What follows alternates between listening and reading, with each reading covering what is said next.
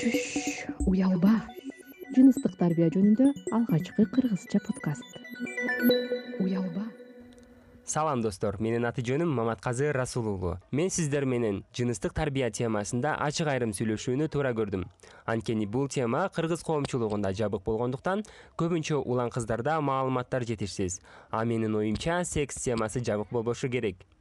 Ал нерсе жашоонун бир бөлүгү болгондуктан жыныстык тарбиянын мааниси зор мен адистер менен бирге кызыктуу маектерди баяндарды уюштурганга аракет кылам. Бүгүнкү тема уялба айта бер деп аталат. Маектешим жарандык активист майрамбек таалайбек уулу. Бул жигит репродуктивдик саламаттык жөнүндөгү тренингдердин активдүү катышуучусу. Анда кепти баштайлы. Салам майрамбек кандайсың салам маматказы салам достор. Менде баары жакшы. Ден соолугум жайында кыскасын айтканда баары сонун эле. Эң сонун. А негизи ошол сексуалдуу билимдүү болуу деген бул өзү кандай аны сексуалдуу билимдүү адам эмнелерди биле алат? Же болбосо сексуалдуу билимди үйрөнүп жатканда эмнелерди үйрөнө алат? Негизинен өзү айтып атпайбы сексуалдуу билим депчи эмне себептен керек дегенде бул жерде эң эң эң алгачкы бул репродуктивдүү билим здоровье деп коет репродуктивное здоровье. Андан кийин контрацепциялар анан кийин жугуштуу оорулар буга инфекциялар кандайдыр бир э венерологический оорулар кирет да дене оорулары андан кийин ошол жашоонун баягы жыныстык катнаштан туура кумар алып туура э, жыныстык катнашты жасоону үйрөнүү деген нерсе.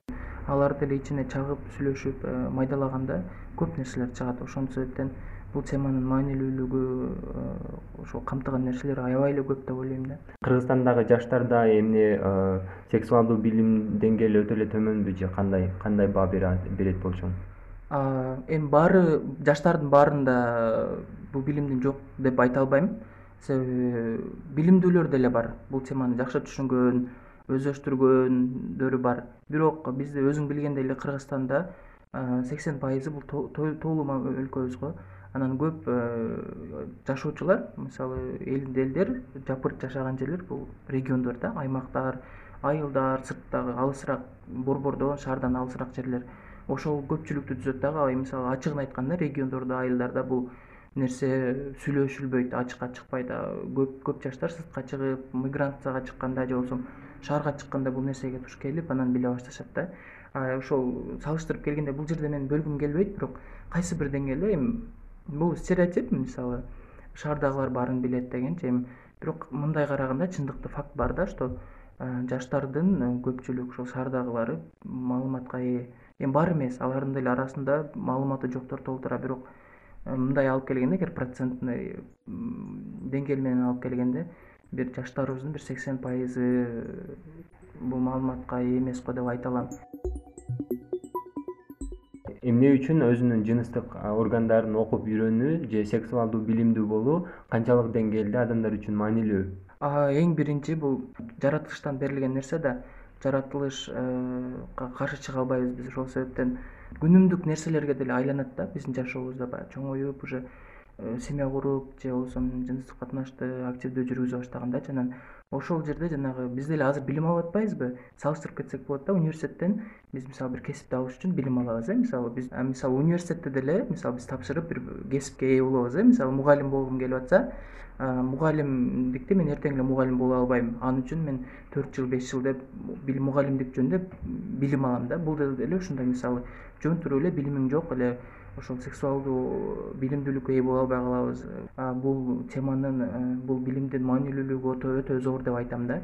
Себеби ар бир жаш жаш муун турмуш курганда же сексуалдык э, ошол жашоо образын алып баштаганда бул нерсеге туш келет дагы көп нерсе суроо пайда болот. А маанилүүлүгү болсо бул жерде кээ бир кандайдыр бир оорулардан сактануу же болбосо туура жыныстык катнашка баруу деп айтсак. Болот чүш уялба сен өзүңдүн жеке оюңда мисалы ажырашууларга же үй бүлөлөрдүн бузулушуна бул сексуалдуу билимдин жетиштигине э, таасир этиши мүмкүнбү? Ооба сөзсүз мисалы эгер эки үй бүлө дейли жаш үй бүлө э, экөөндө тең эми бизде ата энелерден угуп жүргөн же достордон угуп жүргөн опыт боюнча эле бул жыныстык катнаш болот да эми жаштардын көбүндө эми укугандары аз десем болот да. Э, билгендери маалымат алынган эмес да мектеп учурунан баштапчы коргонуу деген нерселерди деле биле беришпейт да. Эми көпчүлүгү баары эмес. Бул темада мисалы ошо ажырашуу деп атпайсыңбы ажырашуу көпчүлүк учурда ошол баягы. Бул табу тема деп үй бүлөдө дагы баягы сыртка чыкпайт да. Эки түгөй менен эменин ортосунда эле болот дагы сыртка чыкпай. Бул сыртка баягы эл эмне дейт да. Бул менталитет дагы роль болуп атат бул жердечи биз э, баягы сексуалдык жактан бири бирибизди кандыра албай атабыз деп айткан бул уят дагы. Биз же болбосо башка эле себептерди айтып ажырашууга алып келет деген ойдомун. Эми чындыкта факттар бар что чындап э, финансылык экономикалык жактан кыйналып ажырашкандар бар туура келбегендер а негизи эле сексуалдуу билим адамдар кайсыл жашынан кайсыл урактан баштап бул сексуалдуу билимге зарыл болуп баштайт? Өспүрүм убактан баштап билиш керек деп ойлойм. Себеби дегенде ошол убакта жана жыныстык жактан жетиле баштайт да кыз бала эркек бала деле мисалы эркек баланын үндөрү жонуруп э, түктөр чыгып анан кийин кыз балада деле ошондой көкүрөк бездери чоңоюп э, башкача боло баштайт да өздөрүн башкача сезип анан кийин ошол этаптан баштап э, бул сексуалдык билимге ээ болуш керек да. Себеби дегенде ал жерде айтпадымбы репродуктивдүү билим деген дагы кирет да. А биздин жана жыныстык жактан өөрчүүбүз жыныстык жактан чоңоюшубуз бул репродуктивдүү билимге кирет. Сен балакат жаш балакат кезиңде ошол эми гана өөрчүп жыныстык органдарың өөрчүп баштаганда сенде кандай сезимдер болду эле? Сенин ошол убактың кандай өткөн? Чоң жана өспүрүм убакт менен коштошуп атканымды байкагам бирок эмне кылыш керек э, кандай э, нерселер менен колдонуш керек деген нерсени билчү эмесмин да мисалы э, көп маселелер болгон мисалы да. Анан кийин аны ачык айта алган эмесмин чындыгында эми бизде баягы айтпадымбы кайра эле эмнеге келет менталитет менен табу тема экендиги да. Он сегизден өткөндөн кийин өзүм изденип бул жерде моундай болуп турбайбы бул жерде моундай кылыш керек экен деп маанилүүлүгүн түшүнө баштагам да. Чүш уялба. Мектептерде бизде мектептерде адам сабагы берилет анда адамда адамдын органдары жана адамдын денеси жөнүндө окутулат эмеспи. Ошол жерде дагы биздин адамдын жыныстык органы жөнүндө атайын темалар камтылып өткөндө ага канчалык баа берет болчумун анын деңгээли кандай? Биздин жаштарга ошол адам сабагынан окулуп аткан жетиштүү элеби негизи бул предметтин болгону аябай сонунда. Бирок эмнегедир биздин түшүнбөйм же ошол дагы эле менталитеттин э, себебиненби же мугалимдердин компетенттүүлүгү жетишпегенденби же жанагы жаштарыбыз э, уялганданбы ушул кайсы бир деңгээлде э, бул бул предметтин баягы пайдалуулугу азыраак болуп калып атат да өзүң билгендей эле. Мисалы сен деле мектепте окубадыңбы онунчу класста тогузунчу класста өтүлөт бул китеп же тема.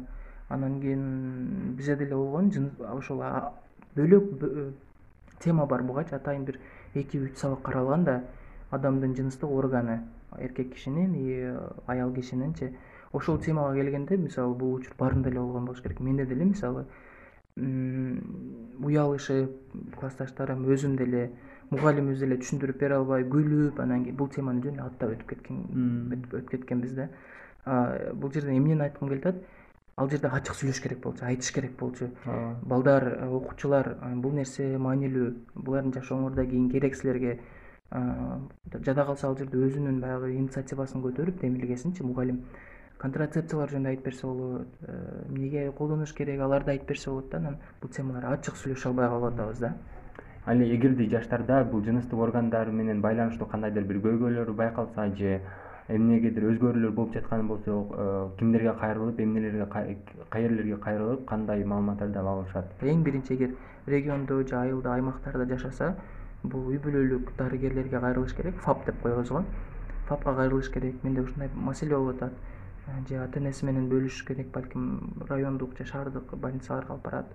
Андан кийин дагы болбой калып атса өзүнүн бир туугандарына Э, досторуна бөлүшүш керек да. Бул тема жабык калып кетпеши керек ачык айтыш керек бул теманычы себеби анын аркасынан маани бербей койсо чоң бир көйгөй чыгып калышы мүмкүн да. Мисалы же катуу ооруп калышы мүмкүн жакай кыз дары дартка чалынып калышы мүмкүн да. Демек жыныстык органдарга көңүл кош мамиле кылбай олуттуу карап жүрүш керек э ар дайым ачык айтканды үйрөнүп. Сөзсүз сөзсүз. Себеби дегенде мисалы эми шаарга мындай шаарды алып кетсек э, демография боюнчачы шаарда мисалы борборлор көп да. Э, частный клиникалар бар дарыгерлердин борборлору бар спеццентр бар өзүң билгендей. Ошол жактардан маалыматты алыш керек. Эгер болбой калганда болбой калганда хотя бы э, гуглдан интернеттен издеш керек да ютубтан же болбосо.